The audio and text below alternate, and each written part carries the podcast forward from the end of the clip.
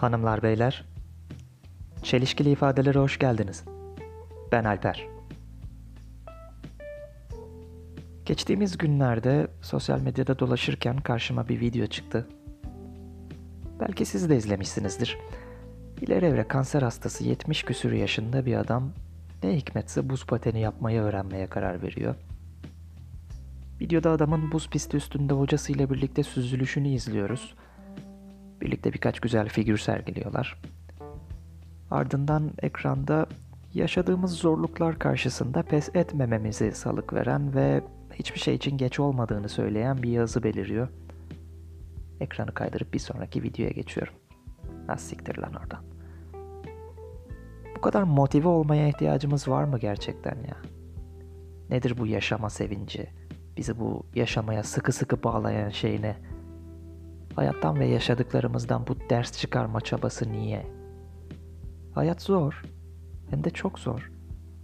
Neden bunu kabul edip sıradan yaşamlarımıza devam etmiyoruz da başkalarının yaşadığı zorluklara bakıp aman ne büyük dertler var deyip halimize şükrediyoruz ki?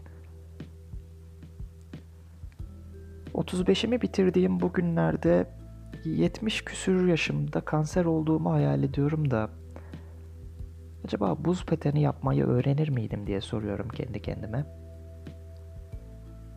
Muhtemelen hiç işim olmaz. Buz pateni öğrenmek yerine hayatımı nasıl yaşadığımı sorgulardım daha çok. Yaptığım hataları, attığım yanlış adımları düşünür dururdum muhtemelen. Dur eksik kalmasın ya bir de buz pateni öğreneyim demezdim herhalde. Çoğu insanın da diyeceğini sanmıyorum ya. Son bir şov yapayım da insanlara ders vereyim. Bakın hiçbir şey için geç değil. Siz de yapabilirsiniz. Hadi buz pateni öğrenin. Ha siktir. Bu motivasyon masallarına aldanmayın bence. Hayat masal olmayacak kadar gerçek ve zor. Hem de çok zor. Dünyayı bok götürüyor be oğlum. Masallar mı masum olacak? Böyle diyordu Erkan Can uzun zaman önce izlediğim bir kısa filmde. Pamuk Prenses. Arayın bulun izleyin. İnternette var güzel hikaye. Dünyayı bok götürüyor evet.